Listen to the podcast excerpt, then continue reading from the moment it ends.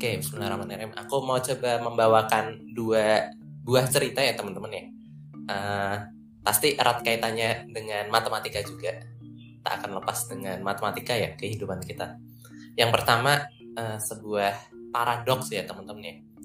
Kalau teman-teman pernah dengar paradoks itu uh, sesuatu yang kadang bikin logika kita muter-muter gitu ya, bingung buat mikirin.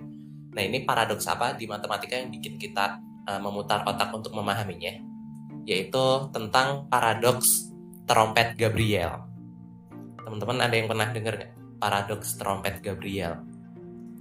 Nah, uh, sekilas emang namanya kenapa kayak gitu karena uh, matematikawan zaman dulu masih kebanyakan yang non Muslim ya.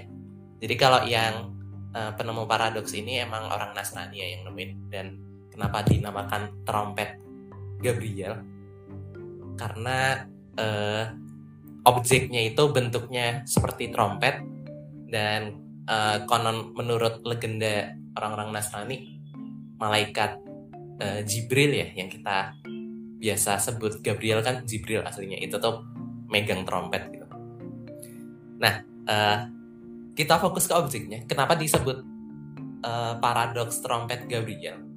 Jadi kalau teman-teman balik lagi ke konsep bidang ruang uh, di matematika ya ada bola ada tabung ada prisma dan lain-lain ya jadi di tiga dimensi itu tuh erat kaitannya dua hal ini yaitu volume dan luas permukaan betul tidak betul ya jadi uh, mungkin kalau teman-teman masih ingat kayak oh volume bola rumusnya apa ya? Gitu.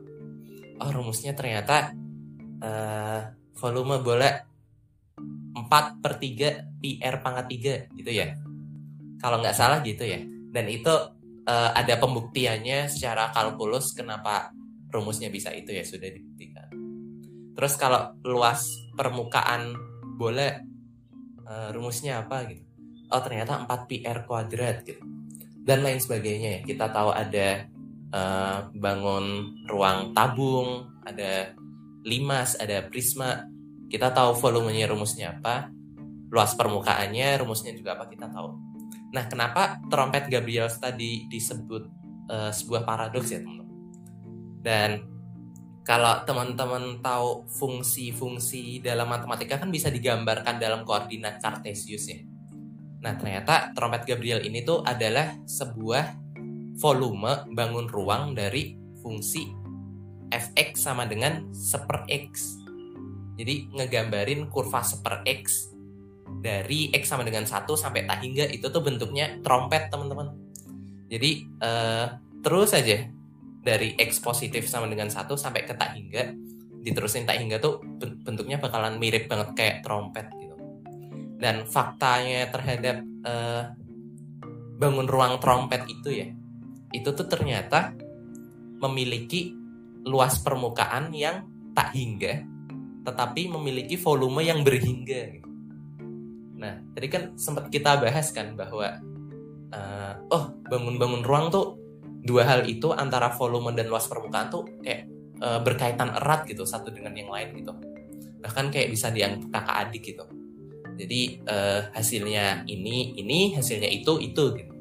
Tapi uh, untuk paradoks ini uh, hasilnya itu malah berbeda jauh sangat jauh malah yang trompet trompet Gabriel ini yang luas permukaannya dari trompet itu tak hingga karena menuju X positif tak hingga tapi untuk volumenya sendiri volume trompet yang menuju tak hingga itu ternyata hasilnya berhingga teman-teman dan itu udah dibuktikan ya di buku Purcell Calculus jilid 2 kalau nggak salah Nanti uh, kalau yang penasaran bisa buka buku itu. Ada pembuktiannya bahwa emang uh, dari deret tak hingga ya, deret tak hingga itu dari yang deret volume dan deret uh, luas permukaannya ternyata yang satu menuju konvergen dan yang satu divergen. Jadi yang konvergen itu uh, luas uh, volumenya berhingga, tapi yang divergen itu uh, luas permukaannya tak berhingga konvergen dan divergen itu konsep ketak hinggaan sih sebenarnya. Juga ada sempat dibahas di bukunya Profesor Hendra Gunawan ya, dosen matematika di ITB. Di bukunya yaitu uh, apa ya? Kok judulnya saya lupa. Kayaknya kalau nggak salah uh, konsep ketakhinggaan ya atau menuju tak hingga. Kalau nggak salah itu ya. Nanti bisa dicari aja. Nah jadi itu teman-teman yang pertama uh, tentang cerita paradoks ya dalam matematika. Tentang uh, ketahinggaan dan yang berhingga. Sama yang satu lagi itu cerita kedua adalah tentang uh, kalau yang pertama paradoks yang kedua itu tentang ini anekdot anekdot. Jadi masih inget kan kalau dulu bahasa Indonesia anekdot tuh cerita yang seputar apa gitu ya. Yang ada hiburannya gitu ya. Tapi nggak tahu ini akan menghibur atau enggak ya.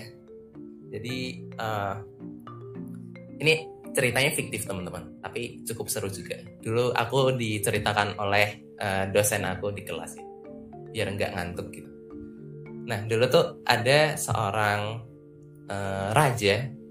Zaman dulu banget ada seorang raja gitu di suatu kerajaan itu membuka sayembara terbuka. Sayembaranya adalah lomba main catur. Nah kebetulan rajanya ini tuh uh, kayak pede gitu, jago main catur, menantang siapa pun yang ada di uh, warga di kerajaan itu yang bisa mengalahkan si raja itu akan diberi hadiah apa pun yang dia minta gitu. Nah ternyata ada uh, satu matematikawan yang cukup cerdas, gila. Jadi ada satu matematikawan yang cukup cerdas yang uh, ternyata berhasil mengalahkan si raja itu gitu. Nah, tapi uh, yang jadi menarik adalah uh, setelah menang dan ditanya hadiahnya mau apa, ternyata si matematikawan ini tuh minta hadiahnya cukup simpel dan sempat ditertawakan oleh si raja. Gitu.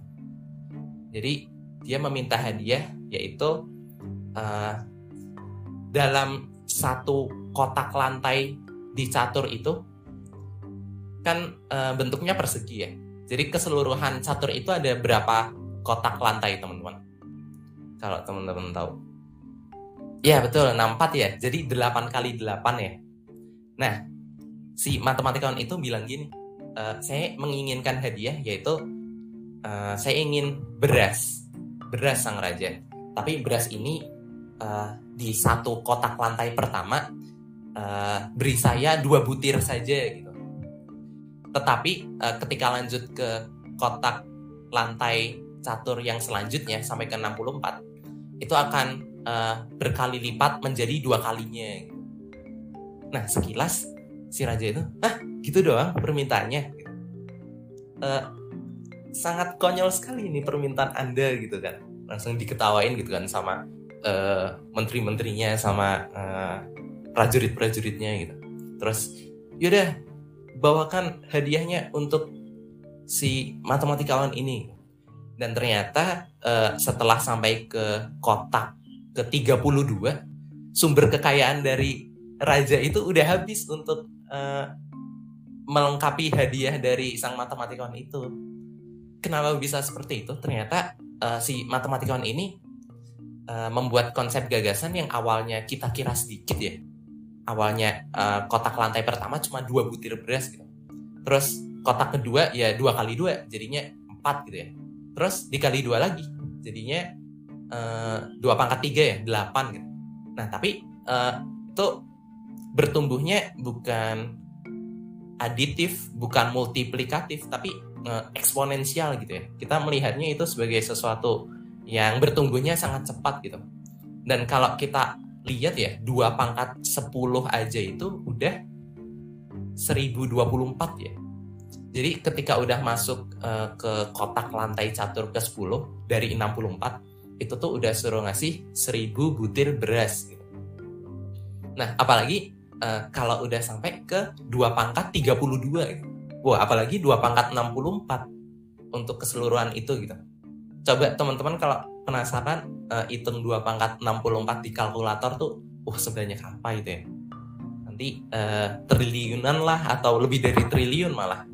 Jadi emang sebanyak itu pertumbuhan eksponensial tuh sebenarnya ya. Dan angkanya nggak nggak kita sadari bahwa emang uh, besar sekali ya.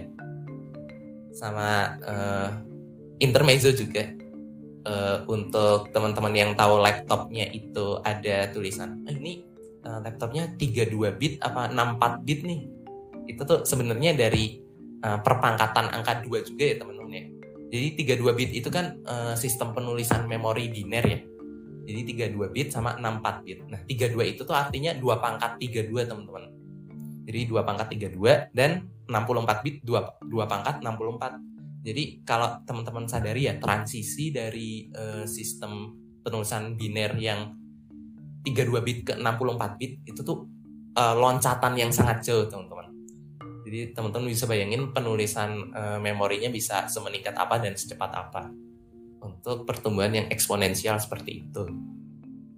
Nah, kita nggak perlu pikirin tadi rajanya gimana uh, ngitung berasnya ya, tapi pokoknya uh, konsep cerita anekdotnya seperti itu. Jadi uh, kalau dipikir-pikir dari cerita pertama, uh, sesuatu yang kita anggap biasanya berjalan berdampingan gitu ya. Ternyata di suatu case tertentu dua hal itu tuh yang biasanya berdampingan bisa bertolak belakang gitu. Nah tetapi di cerita kedua dari yang anekdot ini uh, mungkin sedikit perubahan tetapi kalau kita konsisten melakukan uh, peningkatan itu secara eksponensial ya mungkin dalam kurun waktu ter tertentu wah hasilnya lonjakannya tuh sangat tinggi itu berlaku untuk apa ya?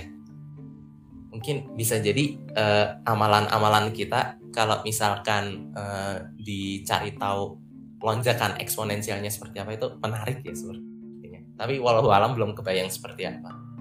Uh, mungkin itu dulu cerita pada pagi hari ini ya. Semoga bisa uh, meningkatkan semangat dan menjadi nasihat buat teman-teman ya. Uh, kurang lebihnya mohon maaf. Wassalamualaikum warahmatullahi wabarakatuh